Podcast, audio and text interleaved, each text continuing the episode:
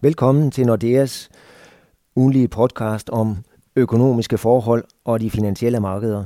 Mit navn er Niels Christensen, og med mig i denne uge har jeg min kollega Andreas Steno Larsen. Velkommen, Andreas. Tak skal du have, Niels.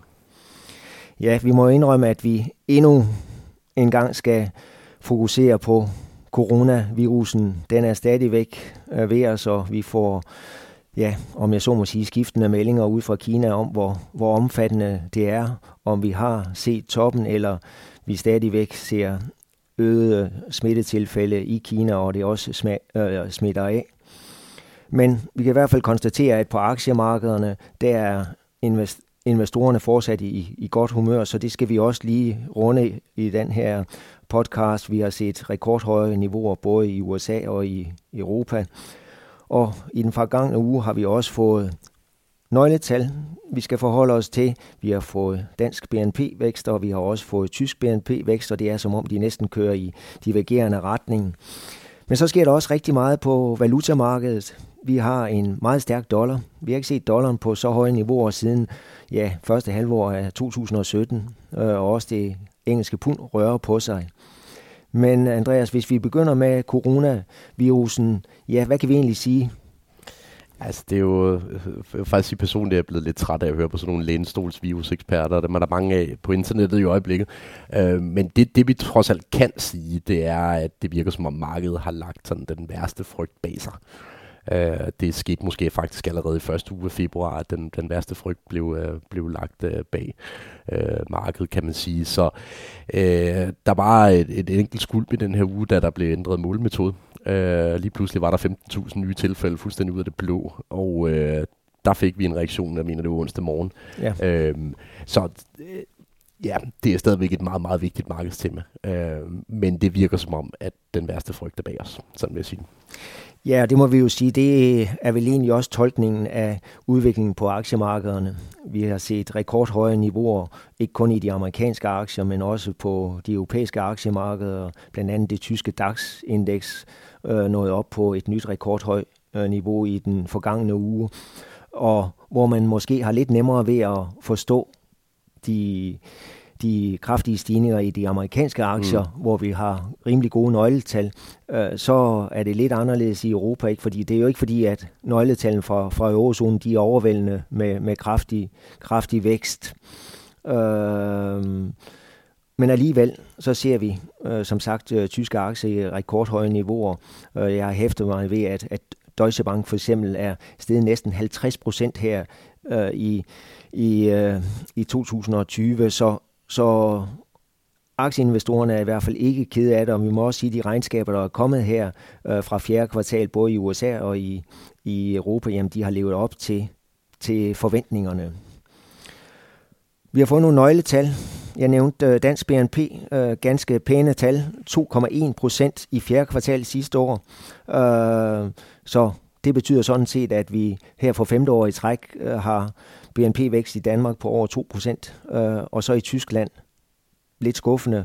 Der var uændret vækst i fjerde kvartal sidste år, øh, og kun en årlig vækstrate på 0,4 procent, øh, ned fra 0,6 procent, så lavvækst i, i Tyskland, og jeg ved ikke, om vi kan sige højvækst i, i Danmark, men det betyder i hvert fald noget for, for euroen og på, på valutamarkedet, fordi der er det som om, der er et skridt i øjeblikket, øh, Andreas. Ja, man må sige, at euroen den står faktisk svagt i billedet nærmest øh, mod alle større valutaer. Øh, og en, en af grundene er selvfølgelig de tyske nøgletal. Øh, det er jo ikke kun BNP-tallet, vi fik fra Tyskland, som så det lunken ud. Der har også øh, været industriproduktion ude i løbet af ugen, som, øh, er, som så ganske, ganske sløje ud. Øh, ret beset er Tysklands industri jo i en, re- i en recession, meget tydeligt. Ja. Øh, og, og det bliver ikke bedre af, af, af Wuhan eller coronavirusen, fordi øh, det kommer også til at øh, genere øh, nogle, øh, øh, nogle leverancekæder i, i, i tysk industri, og øh, det kan næsten ikke ramme på et værre tidspunkt. Øh, så, så den her virussituation er ikke godt nyt for euroen, øh, formentlig på grund af, at Tyskland er et af de lande, der, der står til at blive hårdest ramt af, af, af de øh, nedlukninger, vi har set i Kina. Nej, og en svag euro, øh, og så samtidig har vi, om ikke det modsatte, så i hvert fald en stærk dollar. Ja. Jo, men øh, givet den måde, at USA's økonomi er sat sammen på, så øh, er den ikke sådan, øh, det er ikke en økonomi, der er specielt sårbar over for den situation, vi har i Kina. Øhm, så det er, jo, det er jo ingen grund til, at dollaren kan stå stærkt i billedet i, øh, i de her uger, hvor at, øh, virusen fylder så meget i nyhedsbilledet. Øh, og den anden grund er jo bare, at øh, USA bliver ved med at levere øh, rent økonomisk i, i, i forhold til resten af verden. Øh, de amerikanske aktier bliver ved med at levere. Øh, så dollaren den står stærkt. Ja, vi er, er jo næsten kommet op i 6 kroner, 6 kroner 90 i, i dansk regning, og som sagt, det er det højeste niveau siden øh, 2000, øh, begyndelsen af 2017.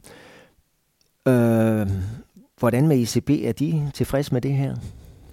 Ja, jeg kan ikke se, hvorfor de øh, skulle rynke på næsen af det her. Øh, de får en, en fin positiv øh, impuls til inflationen fra en, fra en svagere euro. Øh, Øhm, og sådan som nøgletallene udvikler sig i Tyskland, så gør det jo nok ikke noget, at, øh, at euroen bliver lidt sværere, så det øger øh, ligesom eksportmulighederne fra et valutaperspektiv. Øh, så den europæiske centralbank øh, kan sådan set sidde og, og læne sig tilbage og kigge stille og roligt på det her. Det har de det fint med. Øh, jeg vil så sige, at måske markedet er ved sådan lige at op, øh, ligesom komme lidt ud af en tangent i forhold til de forventninger, der er ved at blive malet op omkring den europæiske centralbank igen. Øh, markedet er ved at overbevise sig selv om, at der kommer en rentenedsættelse igen i år. Øh, jeg er svært ved at se, at de rigtig har indikeret, at det skulle være på tapetet i, øh, i Frankfurt, så øh, måske der trods alt er ved at blive taget lidt for meget forskud på, på yderligere lempelser fra den europæiske centralbank. Ja, for du er selv inde på det. Det har vel sådan set ikke været det, der har været signalerne efter, at øh, Christine Lagarde har taget over. Der har man fået en fornemmelse af, at, at hun ikke lige vil øh, begynde at overveje at både at nedsætte renten yderligere eller opkøbe flere obligationer, end de, end de gør i øjeblikket. Øh, så er det vel egentlig hvad skal man sige, praktisk, at, at euroen begynder at falde, fordi så, så giver det øh, øh, stimulans til økonomien, øh, frem for at de begynder at skulle, skulle overveje en, en rentenedsættelse. Hvad med, hvad med i USA? Øh, Fed, hvordan ser de på en, en stærkere dollar? Er det noget, der generer dem? Altså, det er faktisk ikke, at dollaren plejer at være et specielt stort tema for, for Federal Reserve. Øhm, og, og når vi kigger på, øh, hvad Paul sagde den her uge i øh, hans, øh, hans taler, så um, er han egentlig mere fokuseret på, hvad der sker i Kina lige nu. Øhm, og, og de tillægger den her coronavirus en, en væsentlig risiko, vil jeg sige. Øh, og jeg vil heller ikke helt af, afvise, at de kunne finde på at, at reagere med en rentenedsættelse, hvis vi får nogle dårlige nåletal øh, i, i løbet af marts og april, for eksempel. Øh, på baggrund af det, der sker i Kina. Øhm, så så de, de har faktisk, jeg vil sige, de har egentlig tillagt den her coronavirus øh, en, en hel del betydning i deres kommunikation. Ja. Man kan vel også godt sige, at øh, nu er vi inde på ECB, kan være tilfreds med en sværere eurozone, om noget kan, kan give højere inflation i eurozonen, ja, så kan en stærkere dollar være med til at dæmpe inflationen i USA. Mm. Øh, så for de to centralbanker kan det måske egentlig være meget godt, at vi ser en, en stærkere dollar og en svagere euro. Men øh, jeg ved at der er en person, som ikke er særligt tilfreds øh, med en stærkere dollar øh, i det hvide hus derovre. Ja. Øh, Monique, han kommer på banen på et tidspunkt. Jo, øh, han har faktisk været stille på dollarfronten i ja. den her uge. Han har brugt mere tid på at kritisere Michael Bloomberg.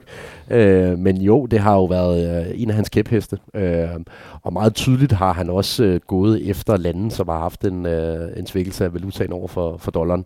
Øh, et eksempel er Brasilien, hvor der blev tillagt øh, 12 satser igen øh, efter en svækkelse af den brasilianske real. Øh, så det er der noget, altså hvis vi øh, bliver ved med at se den her udvikling, hvor euroen står så svagt i billedet, som den har gjort de sidste to-tre uger her, så er det noget, der øger sandsynligheden for, at Trump han begynder at, øhm, at, at lægge 12 på, på, på EU. Ja, 12 på EU, ikke? Og, og jo da i hvert fald nok i første omgang kommer med, om jeg så må sige, verbal intervention.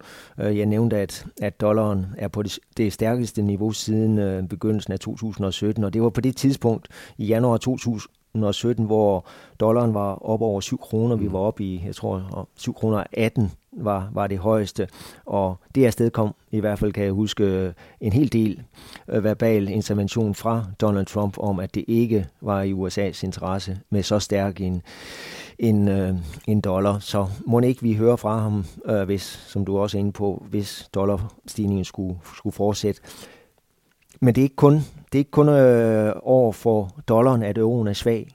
Vi ser også en svag euro over for et pund. Et pund, hvor det ikke er mere end 14 dage siden, at vi gik og var spændt på, om der kom en rentenedsættelse øh, fra Bank of England på grund af svage nøgletal. Øh, et pund også, øh, hvor man sådan lige så småt er ved at tage hul på, på forhandlingerne omkring det fremtidige mm. handelssamarbejde med, mellem Storbritannien og EU. Politisk usikkerhed, øh, udsigten til en rentenedsættelse. Hvorfor er punden så stærk, som det er? Ej, det hjalp selvfølgelig for pundet, at Bank of England øh, ikke valgte at sætte renten klart, ned. Ja. Øh, og, og jeg tror faktisk, at der var mange i markedet, der havde, øh, der havde fået malet nogle ret store forventninger op til, at Bank of England skulle til at, at reagere her i løbet af foråret. Øh, nu er Carney jo fortid i marts måned, ja. øhm, så det bliver interessant at se, hvad, hvad Andrew Bailey, øhm, som overtager hans sæde, kommer til at gøre, fordi Carney sagde igen i den her uge, at det sagt skal være, skal sættes ned i løbet af foråret, men det kommer til at være Andrew Bailey, der kommer til at bestemme det. Øh, Bank of England har sådan en, en semi-tradition, vil jeg kalde det, for at de, de interne medlemmer, de stemmer sammen med, øh, med formanden. Øh, så Bailey kommer til at sætte øh, agendaen, øh, og, og lige nu ved vi meget, meget lidt om hans synspunkter. Ja. Jeg tror ikke, jeg fik det sagt, men øh, pundet er faktisk kommet op i tæt på, på 9 kroner ja. i dansk regning, så øh, ja, alt er relativt, men et forholdsvis stærkt niveau, også for pundet over for den danske krone. Vi kan så lige sådan afslutningsvis her på, på snakken omkring valuta, så konstatere, at jamen, øh, det er, er jo sådan set godt nyt for, for dansk eksport, at vi får en sværere valuta. Ja, ja. Øh, så, så det kan jo være med til at, at underbygge den, den pæne vækst, vi har i, i dansk økonomi, selvom vi forventer, at væksten ikke kan holde sig over 2% i, i indeværende år. Vi regner med en lille tilbagegang til omkring 1,5 procent i år. Andreas, vi skal også lige nå at, at, at, at tale lidt om næste uge.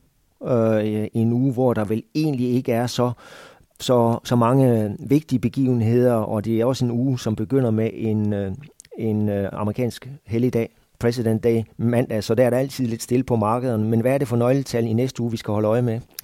At der kommer øh, PMI-tal fra, fra eurozonen, øh, som måske bliver det vigtigste nøgletal i næste uge. Øh, især efter den her næsten parade dårlige øh, tyske nøgletal, vi har fået den her uge, så bliver det rigtig vigtigt, at, øh, at det europæiske PMI-tal det ikke falder tilbage igen. Og jeg kan se, at når man øh, kigger på de analytikerforventninger, der er lagt ind, så regner øh, gennemsnitsanalytikeren med, at det her PMI-tal det falder tilbage en gang til. Øh, og det vil ikke være godt nyt for ECB.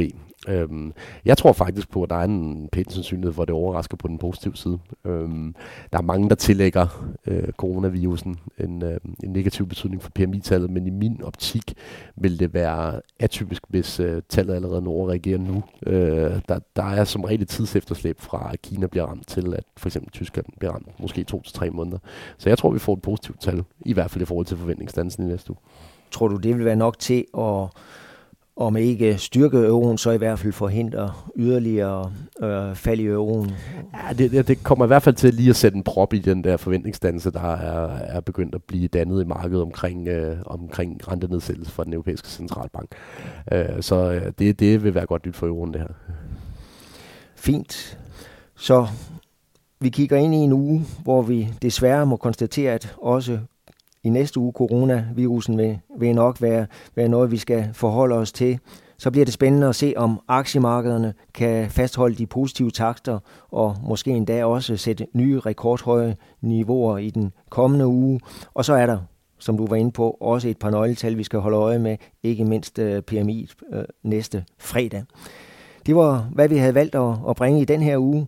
Vi skal have tak, fordi I lyttede med. thank you